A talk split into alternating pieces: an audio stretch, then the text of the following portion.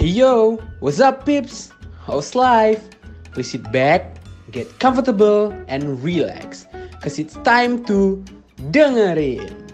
Hello guys, it's time for you to dengerin. Yeay! Hai hai sobat dengerin, akhirnya kita bertemu lagi nih di session baru dengerin 4.0 episode 1 spesial Ramadan. Oke, nah di episode kali ini kalian bakal ditemenin sama aku Inces. Dan aku Anggun yang bakal bahas tentang gimana sih hidup sebagai muslim di luar negeri. Wow, keren banget tuh Gun. Nah, karena aku udah penasaran banget nih, langsung aja kali ya. Di pembukaan season kali ini kita bakal ngebahas nih tentang gimana sih menjalani hidup sebagai seorang muslim di negara asing. Kita tahu kan Gun ya, hidup di luar negeri tuh beda banget nih sama di Indonesia. Bisa beda budaya, beda bahasa dan kebiasaan orang-orang di sana juga pastinya beda banget tuh. Apalagi di sana bukan mayoritas Islam tuh Gun. Nah, sebagai seorang muslim, hidup di luar negeri tuh bisa menjadi tantangan tersendiri tuh bagi kita. Iya Anjas, makanya Anjas kita pada hari ini kita mengundang gestar yang pernah kuliah di luar negeri. Waduh. Wow. Siapa tuh dan, Gun? Dan ini tuh agak spesial sih gestar kita karena gestar kita sendiri yaitu dosen kita sendiri. Wow, spesial banget nih. Benar Jas. Mungkin tanpa basa-basi lagi kita perkenalkan ini dia gestar kita Mem Atina. Yeay, Halo Mem. halo, Mem. Halo Inces, halo Anggun. Ya. Oke, gimana nih Mem kabarnya Mem? Alhamdulillah baik. Gimana kabarnya? Alhamdulillah, baik baik Mem. juga, Mem. Alhamdulillah. Kesibukan Mem sekarang nih selain mengajar tuh apa aja Mem? Eh, sebagai dosen tidak hanya mengajar gitu ya, harus ada banyak masalah administratif, Oh, kemudian harus buat proposal gitu ya kan karena kan Tridharma perguruan tinggi ya terkait si pengabdian masyarakat, penelitian itu juga termasuk sih. Eh, sibuk juga ya Oke, seperti yang aku mention sebelumnya, Mem, Mem kan pernah nih kuliah di luar negeri ya, Mem. Tepatnya di Belanda kan ya, Mem? Iya, betul di Belanda. Nah, gimana sih, Mem, awal mula Mem tuh kuliah di luar negeri? Itu, itu sebetulnya memang dari awal tuh saya sudah punya pandangan bahwa saya pengen kuliah di luar negeri gitu ya. Apa pun itu gitu. Tapi kemudian juga sudah diultimatum oleh orang tua kalau mau dikeluar eh kuliah di luar negeri silahkan, tapi jangan mengharapkan pendanaan dari kami gitu ya kata orang tua saya. Jadi dari situ ya mau nggak mau saya harus cari cara kan gitu ya.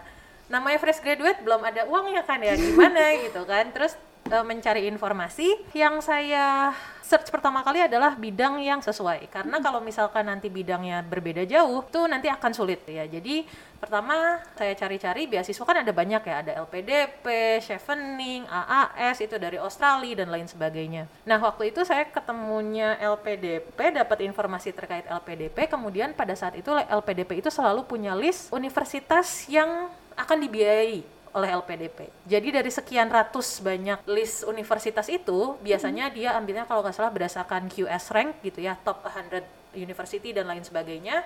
Itu saya liatin tuh satu-satu, bukain websitenya satu-satu, mana yang sesuai dengan bidang saya. Dan akhirnya di situ dari sekian ratus itu ternyata yang cocok cuma satu. Jadi pada saat yang bersamaan saya apply untuk universitas, pada saat yang bersamaan saya apply untuk beasiswanya. Jadi dari situ apply apply apply proses-proses. Gitu. Oke, kalau boleh tahu, tuh kuliah di universitas mana nih? Apa eh, universitas mana yang Mem pilih nih sebagai Eh, tujuan di Mem? di Belanda itu saya di University of Groningen gitu ya dan posisinya letaknya Groningen itu ada di sebelah utara Belanda. Dia ibaratnya ibu kota provinsi, ibu kota provinsi yang paling utara ada di Belanda. Dan kalau dari Amsterdam ke Groningen itu sekitar 300 kilo ya kurang lebih dua kali jarak Bandung Jakarta gitu ya. Dan itu biasanya kalau misalkan karena kan KBRI ada di Den Haag gitu ya, ibaratnya kalau orang KBRI tahu kita dari Groningen tuh kayaknya waduh ini orang desa turun gunung gitu karena jauh banget gitu kan gitu. Wah, keren banget ya, Anjas. Keren banget sih. Nah, universitas yang mem tadi itu merupakan universitas terbesar ya, ketiga di Belanda sesuai yang tadi kita Kita udah cari, search ah, juga ah. Oh, Oke. Justru saya baru tahu gitu ya kalau misalnya universitas terbesar di Belanda tapi memang dia salah satu yang paling tua karena di 1800-an kayaknya udah ada. Kemudian juga yang saya ingat adalah event lain pada saat saya di sana itu ada salah satu profesor di sana yang peraih Nobel itu tapi dari dari kimia sih. Jadi waktu itu ada selebrasinya ada apa di setiap hall kan gedungnya. Jadi kan kalau kita di sini gedungnya yang satu di sana terus yang satu di sini kan di ruko yang ini kalau di sana tuh ibaratnya satu kota itu hampir kayak di setiap sudut tuh ada gedung misalkan untuk fakultas apa, fakultas apa, fakultas apa gitu. Jadi di setiap gedungnya tuh terus disediakan kue-kue kecil gitu untuk menselebrasi gitu ya. Ada yang pemenang Nobel dari universitas. Wah, keren banget ya Keren banget sih. Nah sebenarnya aku penasaran sih tadi kan Mem bilang kan eh, Mem tuh mencari bidang khusus gitu ya Mem untuk universitasnya. Kira-kira nih Mem bisa kasih tahu ke sobat-sobat dengerin bidang apa yang Mem Sebenarnya karena waktu itu saya sempat kerja tujuh bulanan gitu ya di PPIC di perusahaan swasta. Kemudian dari situ ya saya masih pengen menekuni lagi bidang di yang masih terkait teknik industri gitu. Nah teknik industri kan bedangnya generalis ya di awal kalian S1 juga generalis. Kemudian saya pikir ya memang harus sudah terfokus. Tapi yang pada saat itu menarik eh, minat saya adalah terkait ya supply chain dan masih terkait dengan si production planning inventory controlnya gitu. Dan pada saat itu memang ditawarkan gitu walaupun sekarang sudah terpisah dan terpecah lah kalau misalkan di universitas itu karena kan jatuhnya kalau misalkan supply chain itu kita akan beririsan dengan faculty of business gitu Wah keren banget Jess. Kacau sih. Oke, tadi kan Mem, Mem udah mention ya kalau Mem itu bisa ke Belanda dengan mengikuti beasiswa LPDP. Nah, aku juga sebenarnya tuh pengen banget kan Mem, pengen kuliah di luar negeri gitu. Nah, aku mau tahu nih, kalau misalnya mau ikut LPDP tuh apa aja sih yang perlu disiapin? Oke, mungkin apa yang saya sampaikan tidak relevan lagi sekarang. Kenapa? Karena saya waktu itu apply 2015, sekarang sudah 2023. Bahkan proses rekrutmen dari 2015 ke 2016 aja yang beda satu tahun itu sistemnya udah beda. gitu ya. Kalau yang saya alami pada saat itu kurang lebih ada tiga tahapan kalau saya tidak salah. Yang pertama adalah administratif, artinya apa dokumen yang diminta itu diupload dan dikirimkan kalau saya tidak salah atau diupload saja gitu ya saya lupa. Kemudian tahapan kedua adalah wawancara dan FGD. Kayaknya itu sebetulnya dua terpisah cuma dijadikan satu satu event gitu ya biar cepat. Nah, baru dari situ pengumuman diterima atau tidak gitu. Setelah dari situ pas saya masih S2 itu saya dapat kabarnya adalah ada yang namanya essay on the spot, kemudian dan ada tes-tes lain yang komputer base gitu ya yang ya saya tidak merasakan. Jadi saya nggak bisa ngasih insight tuh terkait hal itu tuh udah nggak bisa karena ya saya satu tidak merasakan gitu ya. Jadi nggak tahu kayak apa tapi yang jelas ketika seleksi administratif kayaknya semua sama. Cuman mungkin misalkan requirement seleksi administratifnya yang berbeda ya secara administratif kalau itu yang diminta ya se- sebisa mungkin dipenuhi gitu. Karena kalau tidak terpenuhi apalagi sekarang semuanya based on system sistem kan tidak ada apa ya leniency atau misalkan oh ini kasihanlah apa bedanya 0,01 kan sistem nggak bisa ya gitu. Kalau sistemnya setnya harusnya segitu ya segitu gitu beda dengan misalkan yang ngoreksi manusia which is kalau sekarang kemungkinan besar sudah tidak di, terlalu diandalkan kan untuk mempermudah gitu ya. Jadi satu-satunya gerbang utamanya adalah pastikan dulu si administratifnya memenuhi baru nantinya berstrategi kembali tergantung apa proses yang diminta. Kira-kira proses beasiswa itu berapa lama Mem? Maksudnya s- dari Mem menyiapkan sampai Mem keterima itu? Eh, itu saya sebulan sih dan itu nekat gitu. Ya sebulan. Beneran sebulan tuh nekat dalam artian karena satu saya buat essay itu dua versi. Dalam artian satu saya bu- harus buat essay untuk LPDP saya harus buat essay dengan universitas gitu. Essay universitas otomatis apply harus bahasa Inggris dan essay universitas tuh saya kayaknya harus buat dua. Kena dua atau satu saya lupa kemudian essay dari LPDP tuh juga kalau nggak satu dua deh saya lupa. Dan itu prosesnya ya hampir tiap hari jadi sayanya apa ngotak-ngotik si essay saya. Kenapa? Karena ya ketika kita menulis itu kita tidak bisa mengharapkan ketika dalam satu kali penulisan itu sudah bagus dan langsung jadi gitu. Kenapa? Karena kebanyakan kita tidak terbiasa untuk menuliskan apa yang ada di pikiran sehingga ketika jadi tulisan bisa jadi ketika kita baca lagi kembali ini jadi ambigu gitu. Iya, benar sih. jadi aneh gitu kan. Jadi masih perlu di di review ulang di review ulang gitu. Jadi proses keterima itu cukup sulit ya Jess. banyak banget yang harus disiapin. Iya, terus banyak. esainya juga tadi sampai tiga Iya. kan. Dalam waktu sebulan dan pakai bahasa Inggris tuh wah Keren sulit banget banget. sih. ya keren banget nih Mem Atina nih wah nih berarti kan nih Mem Atina nih eh, merantau ya Mem ke luar negeri ya Mem Iya. Nah sebenarnya tuh aku penasaran banget Mem kan ke- kebiasaan eh, orang Indonesia dan orang Belanda tuh beda ya Mem. Nah gimana sih cara Mem beradaptasi sama kebiasaan-kebiasaan orang Belanda gitu Mem? kebiasaan yang saya orang sana saya baru tahu dan menyadari baru setelah beberapa bulan adalah bahwa kalau kita terbiasa misalkan papasan di jalan dengan orang asing kan kadang ya udah sih senyumin aja gitu ya. Iya. Di sana itu dipandangnya sebagai aneh kayak ih apa sih gitu.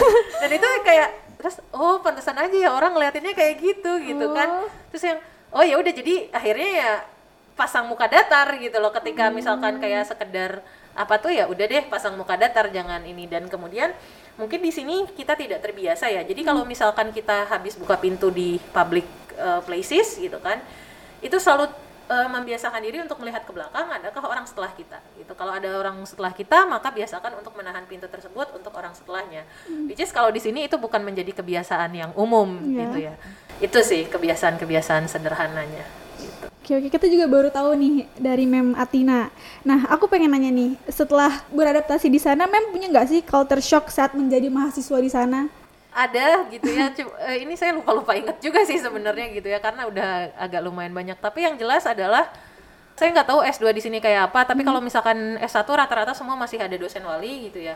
Eh, kalau nggak salah di Indonesia pun ketika S2 itu masih tetap punya dosen wali di sana nggak ada. Ibaratnya semua harus sendiri gitu ya. Ketika ada yang disediakan namanya guidebook gitu ya atau guidebook terkait misalkan gimana sih selama anda program master itu sudah disediakan satu bukunya maka semua informasi sebetulnya ada di situ. Dan saya yang waktu itu tidak terbiasa tahu apa dan segala macam gitu ya. Itu pada saat ketika kayak misalkan proses enrollment kapan itu saya kebingungan tuh aduh gimana ya proses enrollmentnya? Dan ternyata kalau dicari di buku itu tuh ada, Ada ya. gimana cara-caranya gitu dan requirementnya apa gitu dan di situ gitu dan pada saat yang beda lagi adalah proses di kelas gitu. Hmm. Saya pernah dapat kelas yang isinya mungkin hampir 100 orang dan itu kelasnya di hall kayak kayak teater bioskop. Oh, iya, kan ke atas gitu kan duduknya. Nah, itu kayak gitu. Dan itu ya penuh dan ya dosennya cuman kalau Anda bisa ngikutin ya ya udah kalau nggak bisa ngikutin ya silahkan kejar di belakang sendiri gitu dan lumayan Jadi apa-apa tuh harus mandiri ya mem di sana tuh. Iya, Nah sebenarnya aku juga bingung mem kan Twitter di sini sama di sana tuh beda ya mem. oh, beda, Nah, beda.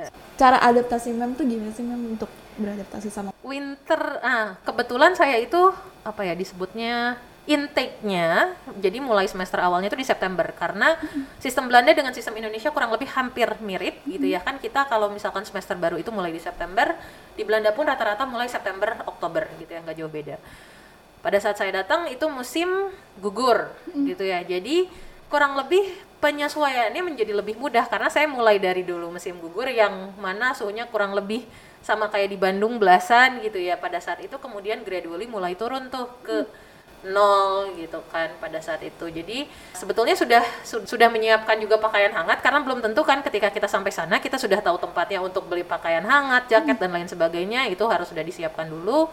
Kemudian yang oh ya yang sangat terasa pada saat winter adalah ketika winter itu kan otomatis jam matahari ada menjadi lebih pendek. Ketika jam matahari lebih pendek, kemungkinan besar akan dihabiskan di dalam ruangan kelas gitu ya, entah di dalam ruangan kelas atau ngerjain tugas di dalam gedung gitu ya. Otomatis hampir nggak pernah lihat matahari. Dan ternyata itu sangat berpengaruh terhadap kondisi saya. Oh, karena nggak hanya kondisi saya bahkan sebenarnya in general a human gitu ya itu bisa berpengaruh. Kenapa? Sebetulnya ketika kekurangan vitamin D itu probabilitas anda terkena depresi menjadi men- lebih tinggi jadi pada saat itu memang terasa sih kok bawaannya gloomy terus ya gitu kan. Karena ya emang nggak pernah ngelihat matahari gitu kan. Ternyata begitu ada matahari tuh wah rasanya jadi lebih semangat gitu dan terasa gitu. Dan pada saat itu pernah diceritakan oleh salah satu dosen dia mengamati setelah berapa puluh tahun dia mengajar di sana ketika cuacanya bagus mahasiswa dia yang ada di kelas sedikit. Kenapa? Karena mahasiswanya akan lebih milih nongkrong di luar di taman menikmati matahari. Gitu berarti kita harus bersyukur ya Mem di Indonesia tuh mataharinya. benar mataharinya tersedia terus Iya. kan 12 hampir 12 jam sehari gitu Nah, tadi kan Mem bilang ya, Mem tuh ngera sering gloomy pas winter gitu ya. Iya. Mem, ya. Cara Mem eh, apa sih namanya berada bukan beradaptasi. Mengatasi kondisi Iya, mengatasi itu kondisinya gimana, Mem? gimana? awal-awal karena nggak tahu ya udah ya udah aja gitu kan ya paling udah gitu nonton apa gitu ya dari YouTube gitu tapi kemudian karena sudah tahu gitu ya ya mau nggak mau di eh, apa ditambah dengan mini- minum vitamin D. Dan di sana sudah lebih lumrah lah ya banyak dijual vitamin D dalam berbagai eh, dosis gitu ya. Kalau di kita kan terbatas hanya kayaknya 400 IU atau 1000 IU paling besar gitu. Di sana tuh sudah ada yang sampai 10.000 IU sudah dijual bebas gitu. Jadi ya itu sih dan lumayan ngaruh sih memang itu dengan apa dibandingkan dengan tidak menambah suplemen dan tidak dengan tidak meminum suplemen ngaruh sih itu. Gitu. Oke, jadi Mem kan eh, kuliah di Belanda itu berarti S2 kurang lebih dua setengah tahun, benar Mem? Dua ya, dua setengah tahun. Oke, nah berarti Mem eh, pernah dong melewati bulan Ramadan di Iya, sana. dua kali. Iya, dua kali. Iya, oke. Apa sih yang menjadi tantangan terbesar dalam menjalani, menjalani kehidupan sebagai Muslim nih di Belanda? Apa ya? Kalau di bulan puasa spesifik, ya mungkin dari durasi puasa. Karena durasi puasa ini kurang lebih plus minus 16 jam gitu ya. Dan ini pun sebetulnya ya kalau di kita di Indonesia kan sudah ada ya Kementerian Agama yang dia menentukan oke subuh tuh waktunya jam sekian dan waktu-waktu sholatnya sudah sekian. Nah pada saat saya di Belanda yang saya rasakan adalah ada banyak informasi terkait waktu sholat atau misalkan waktu matahari terbit itu berapa gitu kan karena apa? Mazhabnya beda-beda. Gitu ya. Dari KBRI dia mengeluarkan jadwal. KBRI ya waktunya waktu Den Haag bukan waktu kota saya gitu ya. Berarti saya harus menyesuaikan kemudian kalau di kota saya ada masjid-masjid juga. Ada masjid ada dua atau tiga masjid saya lupa. Dan itu salah satunya yang saya ingat disebutnya masjid Turki gitu ya. Kenapa? Karena yang ke sana rata-rata adalah orang yang berasal dari Turki gitu. Nah si masjid Turki ini beda juga tuh si subuh waktu subuhnya dengan yang KBRI gitu kan. Dan bedanya nggak cuman misalkan kalau lima menit ya masih mending gitu ya. kadang bedanya bisa 30 menit kan ngikut yang mana gitu ya. Tapi ya jadi tinggal dimantapkan diri aja ketika misalkan sudah menentukan akan mengikuti yang itu ya teruskan mengikuti yang itu. Jangan misalkan ketika yang satu cepet oh yang ini enak nih. Jadi ikut yang itu gitu kan. Nah nggak kayak gitu gitu. Itu salah satunya yang kedua karena si 16 jam seingat saya kalau nggak salah subuhnya sekitar setengah empat apa buka puasa itu di deket-deket jam sembilan setengah sepuluh. Jadi habis ya buka puasa makan udah gitu jam 3 udah subuh lagi kan masih kenyang ya gitu apa. Jadi ujung-ujungnya ya kalau saya pasti pada saat itu bangun ya bangun gitu ya karena kan sunnahnya gitu ya harus sahur ya akhirnya hanya hanya minum aja gitu. Tapi habis dari situ ya udah makannya jadinya cuman pada saat uh, buka Buka puasa. iya buka puasa aja gitu sisanya enggak. Ada terawihnya nggak Mem? Nah, ada tarawehnya. Oh, ada. Nah, tapi ini juga eh, agak perbedaannya gitu ya. Yang saya tahu itu yang si Masjid Turki itu, tap- karena ya eh, yang orang Indonesia di sekitar saya banyaknya ke si Masjid Turki itu. Nah, kalau di Masjid Turki itu nggak ada tuh perempuan yang sholat di masjid, nggak ada sama sekali.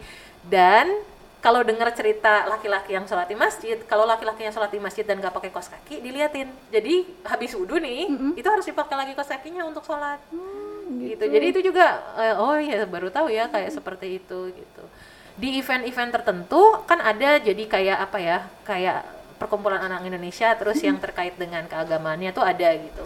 Beberapa waktu sekali itu sempat mengadakan taraweh kayaknya gitu ya.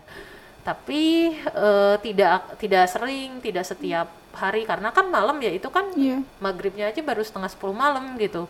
Isyanya udah deket 11 11. 12 gitu kan lama banget gitu. Jadi ya otomatis kalau mau taraweh di masjid gitu ya.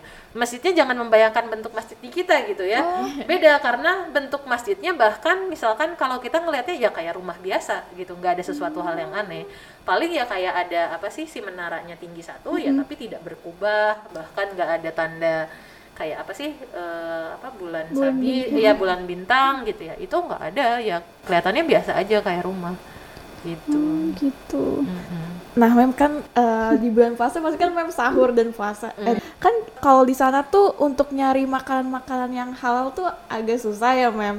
Nah, gimana sih cara mem untuk apa ya menemukan makanan-makanan yang bisa dimakan sebagai seorang muslim gitu, mem? di sana di luar ekspektasi saya relatif mudah Oh, udah, mem. relatif mudah. Kenapa?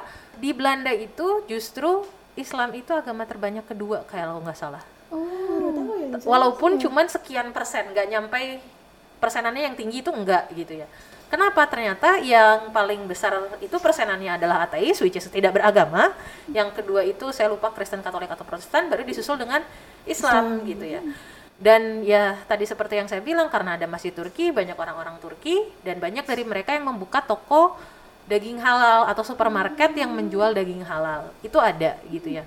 Saya pernah tinggal di kayak apartemen itu yang cuman kehalang satu jalan terus si toko daging halal itu. Jadi saya mikirnya ah nggak usah nyetok deh nggak usah jauh-jauh. Jadi kalau butuh ya tinggal pergi ke sana gitu kan itu lebih mudah. Di supermarket biasa juga gitu ya kan supermarket itu brandnya ada banyak ya. Ada Jumbo, Aldi, AHA gitu ya itu salah satunya.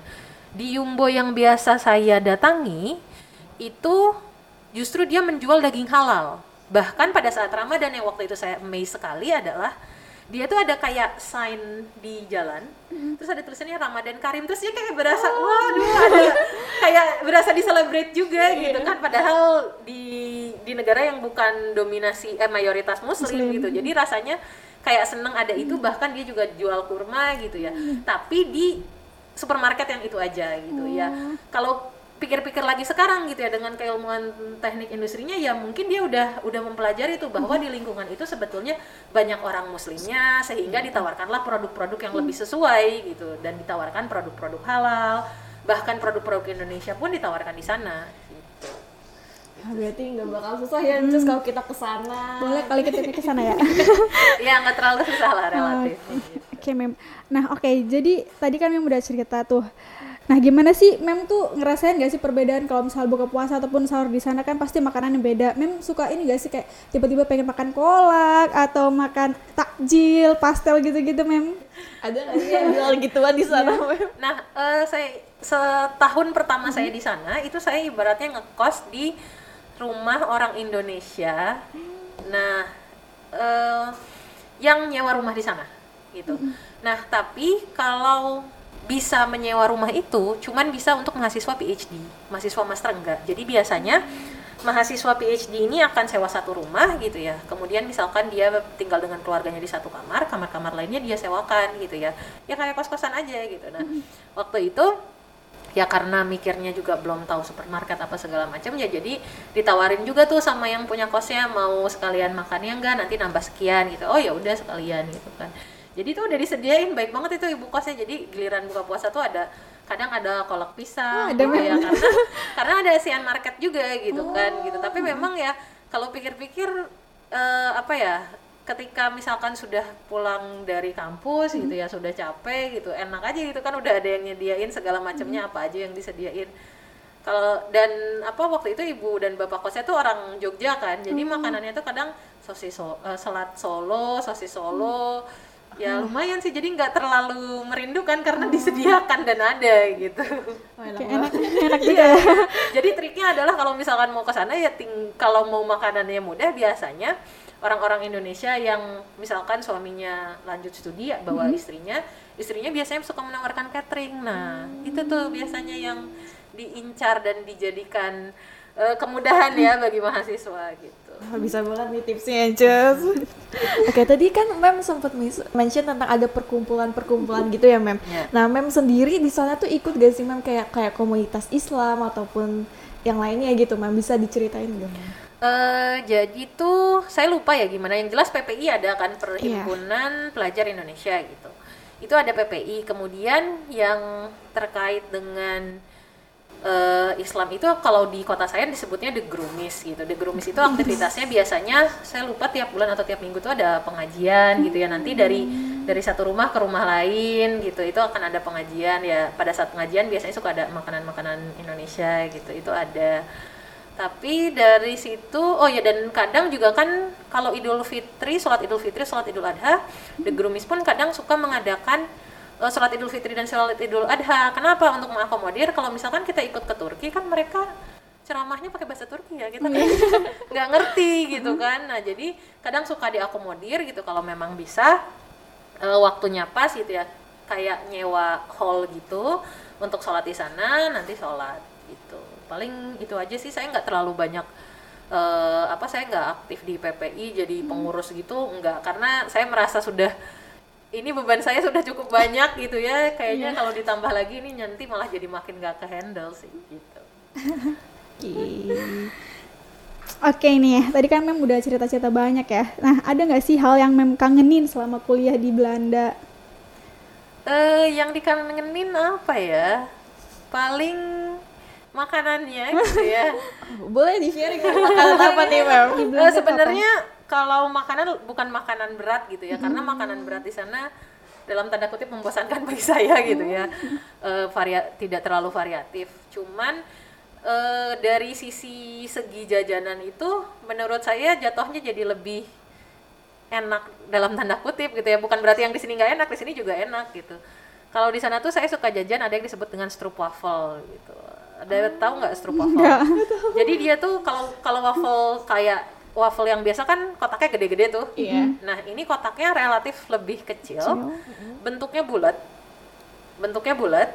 Eh, dia teksturnya itu sama, hampir sama kayak es krim cone, tapi bukan es krim cone yang kalau kayak di tempat gelato gitu loh, Oh, heeh. bukan yang crepes yang semua udah kayak nyatu dicetak. Iya. Nah, kayak gitu. Kemudian nanti di di atasnya itu ditaruh karamel, ditutup lagi sama satu lagi. Jadi dan itu enaknya dimakannya anget-anget. Aduh, kalau musim dingin itu enak banget. Ah, Aduh, jadi pengen. Aduh, lagi puasa lagi ya. Mungkin Mem Atina bisa bawa kapan-kapan gitu. Ya itu itu salah satunya gitu dan oh ya yang eh, enak dimakan anget itu kan biasanya belinya di pasar gitu ya nah pasar itu kalau di kita kan kalau pasar tradisional hampir setiap hari ada Iya. kalau di sana ada kalau di kota-kota tertentu ada juga yang setiap hari buka tapi kalau di kota saya nggak ada tuh pasar yang tiap hari buka jadi pasar itu cuman saya lupa Selasa eh Jumat Sabtu kalau nggak salah. Kalau nggak Rabu Jumat Sabtu gitu. Pokoknya cuman beberapa hari tertentu doang gitu. Dan itu juga di situ selain si strup waffle ada yang disebut dengan kibeling gitu ya. Kibeling itu eh, fish and chips lah ya. Cuman si fishnya doang gitu. Nanti eh, chipsnya juga ada dijual di tempat ber- berbeda. Saya lupa namanya apa. Tapi itu juga sausnya pilihannya banyak. Jadi ya ketika jajan tuh relatif mengenyangkan dan ya lebih bernilai gizi lah ya kurang lebihnya gitu. Oh ya itu pasarnya pasar kayak di kalau Indonesia tuh pasar malam atau pasar tradisional biasa gitu aja mem. pasar tradisional. Jadi itu ada yang disebut dengan Grotemarkt gitu ya. Jadi Grotemarkt tuh kalau diterjemahkan pasar besar. Dia dia ada di lapangan lumayan besar dan itu kalau nggak ada pasar itu kosong dan bersih. Jadi bisa enak jalan aja gitu jalan kaki di sana. Giliran ada pasar maka si pen- pe- pedagang penjual-penjual ini biasanya mereka berdagangnya itu di mobil yang sudah dimodifikasi. Jadi mereka bisa display barang-barangnya. Gitu. Jadi begitu hari itu misalkan dia mereka akan jualan dari jam 8 sampai sekitar jam 5 jam 5 udah pada pergi itu jam 6 tuh udah mulai dibersihin bersihin tuh pakai mobil-mobilnya yang ada sapunya terus ada air buat nyemprotnya. Jadi malamnya udah pasti bersih lagi tuh jadi nggak ada nggak akan ada kelihatan bekas kalau itu pasar. Berarti kalau bulan Ramadan nggak buka dong mem dia? buka. Bukanya malam. enggak. Jam 8 sampai 8 8 sampai 5 sore. 8 pagi sampai 5 sore. Berarti nggak bisa ngabuburit dong memnya. Eh, oh ya ngabuburitnya tuh jadi karena maghribnya jam setengah sepuluh ya kita cuma bisa ngabuburit tuh cuma sampai jam 5 jam 6 gitu terus habis itu ya udah deh balik. Udah nggak ada lagi yang buka dan di sana rata-rata toko tutup jam 5 ataupun jam 6 kan nggak seru ya kalau di kita kan? Super apa mall aja buka sampai jam 9 di sana enggak mall tuh eh, hari-hari dia buka sampai jam saya lupa jam 5 atau jam 6 eh ada hari tertentu yang eh, dia buka lebih lama. Saya lupa ada itu ada istilahnya gitu ya. Dan tiap kota itu harinya berbeda. Tapi di kota saya itu di hari Kamis. Jadi setiap hari Kamis biasanya toko-toko itu akan buka lebih malam. Lebih malamnya tuh kadang ada yang cuma sampai jam 7, jam 8 gitu ya. Sampai jam 9 tuh jarang, cuman beberapa doang gitu. Jadi ya kalau misalkan terkait buka toko yang lebih lama ya enakan di sini dibandingkan di sana gitu. Susah ya Jess kalau malam-malam lapar gitu. Iya. Iya, harusnya toh kalau nggak punya stok makanan ya Kelaparan ya mem. susah. Oke, kan tadi ya mem hal yang mem kangenin ya. Kalau misalnya sekarang momen paling menyenangkan atau berkesan selama mem di Belanda tuh apa sih mem? Eh, apa sih karena itu pertama kali merasakan winter gitu kan waktu itu saya ingat libur gitu terus tiba-tiba ibu kos bilang eh itu ada turun salju oh iya iya ada ada salju terus ya udah saya keluar sendiri gitu kan Eh, orang lain tuh pada pakai payung pakai salju. Terus saya enggak gitu. Jadi kayak merasakan wah ini salju ya gitu kan. Itu itu pertama kali experience kena salju gitu. Dan yang selanjutnya yang jadi lebih menarik lagi adalah itu kayaknya masih di dekat-dekat akhir tahun lah sebelum Desember. Kemudian dekat-dekat Desember ke Januari itu saljunya makin banyak gitu ya, makin eh, kenceng gitu. Terus saya ingat waktu itu ada kuliah pagi dan saya mikir, aduh ini kalau bawa sepeda saya repot gitu kan. Akhirnya saya mikir ya udahlah saya mau naik bus. Jadi saya jalan tuh dari dari kosan ke eh, halte bus sambil cek handphone pas lihat handphone tiba-tiba kok ada notifikasi ya kelas hari ini dibatalkan karena eh apa itu karena cuaca Cuaca. jadi eh, bahkan si bus gitu-gitu pun eh, frekuensinya dikurangi karena itu si saljunya lumayan tebel banyak gitu ya. Dan kalau nggak salah waktu itu karena ada suatu kesalahan entah di yang mananya jadi memang tidak akan ada heater nyampe ke gedung-gedung perkuliahan. Makanya si perkuliahannya jadi ditiadakan gitu. Itu yang saya udah di jalan terus mikir aduh gimana ya? gitu kan. Udah udah keluar balik lagi ke kosan bisa sih masih deket tapi kan males ya gitu. Saya udah keluar terus akhirnya saya uh, chat teman saya terus oh iya ya ini dibatalin ya dia relatif lebih dekat ke kampus kan jadi akhirnya ya udah deh saya main ke tempat teman saya gitu. Itu sih lumayan. Kalau dibatalin gitu nggak ada makeupnya makeupnya lagi mem atau jadi online gitu?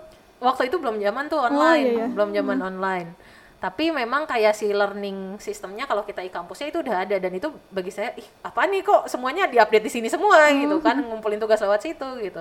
Itu pertama kalinya saya tahu gitu. Waktu itu kayaknya sempet pengganti ada nggak ya? Saya lupa.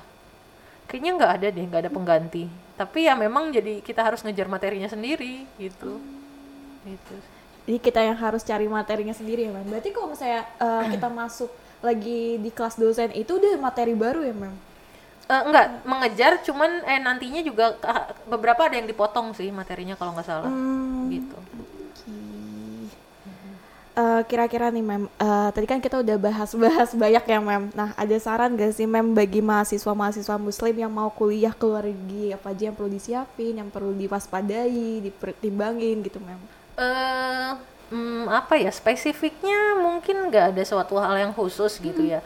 Karena sekarang relatif lebih mudah ada nama apa aplikasi untuk pencari kiblat aplikasi sholat gitu ya terkait waktu-waktunya itu relatif lebih mudah gitu. Kan kalau zaman dulu gitu ya saya dengar cerita misalkan dosen-dosen yang sudah lebih dulu pada saat ke sana belum ada aplikasi gimana nentuin waktu sholatnya gitu ya. Mereka harus lihat kapan terbitnya baru berhitung secara manual lah ibaratnya. Itu kan relatif lebih susah. Kalau sekarang sih yang penting ya bekal aplikasinya gitu. Kemudian kalau memang sudah ada orang Indonesia di sana ada baiknya eh, bersosialisasi tanya-tanya gimana kebiasaannya. Karena di negara-negara tertentu eh, mazhabnya berbeda gitu ya. Kayak di kalau kita kan mazhabnya yang lebih dominan syafi'i gitu ya. Di Turki beda lagi tuh. Jadi ya walaupun sesama Islam kadang kita kayak kok begini ya? gitu. Nah ya simpan itu di diri sendiri aja gitu ya. Dan cukup sebagai pengetahuan dan ketahuilah bahwa Islam itu ada empat mazhab berbeda bukan berarti yang satu salah yang satu lebih benar tuh enggak gitu. Tapi ya hormati aja mereka seperti apa kita keyakinannya seperti apa ya tinggal dijalankan aja gitu sih intinya Oke, wah kita banyak banget ya dapat pengetahuan baru nih dari Mem Martina. Jadi pengen ke Belanda deh Gun. Iya mungkin mem kalau misalnya ke sana bisa ajak kita. Oke tadi kan eh, kita udah bahas banyak banget ya Jess. dari yang kayak kita harus banyak-banyak bersosialisasi terus kita eh, kalau misalnya mau keluar negeri lebih baik kita cari orang Indo juga kan ya Yes. Jess. banyak banget nih yang udah kita dapat eh, dari Mem Atina ini nih mungkin eh, Mem Atina juga punya eh, pesan dan kesan untuk mahasiswa-mahasiswa kita untuk yang ingin berkuliah di luar negeri Mem untuk sobat-sobat dengerin gitu Mem Nih, bener banget. pengalaman ke luar negeri itu baik dalam artian kalian menjadi bisa melihat sesuatu hal dari sisi berbeda gitu ya. Kemudian juga ketika ke luar negeri mungkin orang akan bilang gaulnya jangan sama orang Indonesia gitu ya. eh ya in a way bener juga sih, tapi tetap akan kembali ke diri masing-masing gitu ya. Karena akan ada perbedaan budaya, perbedaan kebiasaan, bisa jadi Anda merasa tidak bisa sebegitu mudahnya untuk fit in dengan orang-orang lokal. Bukan berarti anda harus dipaksakan gitu. Tapi kalau misalkan anda bisa survive dengan support dari komunitas Indonesia ya why not gitu? Kenapa enggak? Jangan kemudian ya udahlah jadi saya menjauhi orang-orang Indonesia. Ya jangan juga gitu ya. Tetap Iya. pokoknya tetap selalu ke sana tuh dengan pikiran terbuka gitu ya ketika ada perbedaan ya hargai setiap perbedaan yang ada kemudian jadikan semuanya itu ya walaupun sulit selalu ingat apa kata Charlie Chaplin gitu eh saya lupa precise-nya apa, tapi in, se- tragedi itu kalau Anda lihat dalam waktu yang singkat. Kalau Anda lihat dalam jangka waktu yang lama dia sebuah komedi gitu. Jadi saya kalau misalkan berpikir lagi, gue struggling banget tuh pada saat lagi S2 tuh, wah udah kayaknya udah sampai nangis darah lah apa gitu ya, pengorbanannya segala macam. Tapi kalau pikir-pikir lagi ya jadi bahan ketawaan sekarang kalau cerita dengan teman-teman yang lain gitu. Itu sih. Oke, nah itu boleh di take notes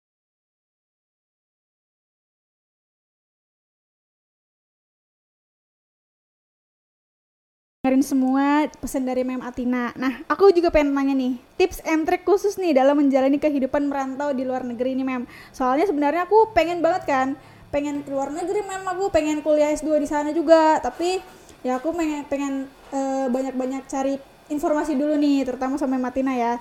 Karena di sini gestar kita kan Mem Atina. satu kenali dulu negaranya gitu ya rules di tiap negara beda gitu ya. Kemudahan yang diberikan di tiap negara beda. Kenali dulu itu gitu. Dari situ kemudian ketika memilih misalkan selain untuk ke negara apa adalah bidangnya. Anda mau lanjutnya ke bidang apa? Cari negara yang sesuai gitu. Jangan sampai ya kalau mau di mix and match dan ternyata sesuai ya silahkan gitu ya. Tapi ketika misalkan anda dihadapkan pilihan saya cuman pengen ke negara ini karena misalkan tempatnya oke gitu. Kemudian sementara di negara tersebut tidak ada tuh bidang yang anda mau gitu ya. Silahkan anda pilih gitu. Mau tetap ke sana dengan menggeser misalkan fokus bidang anda atau tetap mengejar negara yang menawarkan fokus bidang anda tetapi dengan mengorbankan itu gitu. Itu sih yang yang jadi pertimbangan utama gitu. Kemudian kalau misalkan ternyata ada yang sudah punya relasi di sana itu pada saat anda masih di sini ada baiknya sudah mulai kontak-kontak karena kalau misalkan sebagai contoh di Belanda itu beberapa tahun terakhir terutama di kota saya akan kesulitan mencari tempat tinggal. Kenapa? Karena kalau di kota yang saya di Groningen itu isinya adalah isinya kebanyakan pelajar dan lansia. Jadi sulit untuk mencari tempat tinggal karena ya didominasi pelajar isinya gitu. Semua orang akan nyari tempat tinggal sementara tempat tinggal yang tersedia tidak banyak gitu. Jadi udah mulai dari sini tuh harus sudah mulai kontak-kontak ya. Jadi harus banyak-banyak cari informasi ya tentang apa yang kita inginin, tentang Iya. tempat tinggal sana, perbedaannya juga yang di sana tuh seperti apa, biar kita Benar siap tuh sekali. saat kita ke sananya ya, Nces. Betul. Waduh ini bagus banget ya Nces untuk tips and trick yang tadi Mem Atina sampaikan. Oke mungkin eh, kita udah banyak banget ya bicara sama Mem Atinanya. Jadi aku mau ngucapin terima kasih ya Sama-sama. Mem Atina udah eh, menjadi guest star kita pada episode kali ini ya Mem. Makasih banyak Mem. Oke, mungkin uh, Mem Atina boleh kali kasih sedikit nasihat buat teman-teman kita semua sobat dengerin, Eh, mungkin motivasi biar kalau misalnya mau kuliah di luar negeri tuh ya udah gitu gak apa-apa. Ayo semangat gitu. Ya, eh, sebetulnya intinya yang utama eh, mantapkan dulu niatnya gitu ya kalau mau keluar negeri karena itu tidak mudah gitu ya. Apa pun alasannya, entah itu kayak kalau jujur saya alasan untuk keluar negeri itu simpel karena saya pengen aja gitu ya. Ya nggak apa-apa gitu, tapi itu pastikan bahwa itu mantap gitu dan itu akan karena itu yang akan menjadi ibaratnya bensin kalian tuh ketika kalian struggling gitu. Jadi mantapkan dulu alasannya kenapa Anda mau kuliah ke luar negeri. Jadi pada saat nantinya Anda dihadapkan dengan kesulitan-kesulitan apa pun itu, Anda cukup kilas balik, oh ya ini kan memang keinginan saya, saya tidak dipaksa oleh orang lain. Jadi memang apa yang saya mulai harus saya selesaikan. Yes, bener banget. Gitu. Ya, itu sih paling. Oke, wow keren banget ya. Itu quotes dari Mem Atina keren banget ya guys. Oke, mungkin itu aja kalian Bun ya. Iya. Sharing-sharing kita sama Mem Atina kali ini. Thank you banget Mem Atina udah nyempetin waktunya. banyak. Sama-sama. lagi, Mel. Bisa sharing-sharing ke kita. Sama-sama. Nah, untuk sobat dengerin juga jangan lupa nih untuk selalu stay tune di IG dengerin dan Spotify dengerin. Dan juga kita ada platform baru ya, yaitu TikTok. Jadi jangan lupa untuk stay tune terus di medsos-medsos Dengerin dengerin. and see you on the next episode of Dengerin. See you guys. Guys. Dengerin dulu nggak sih?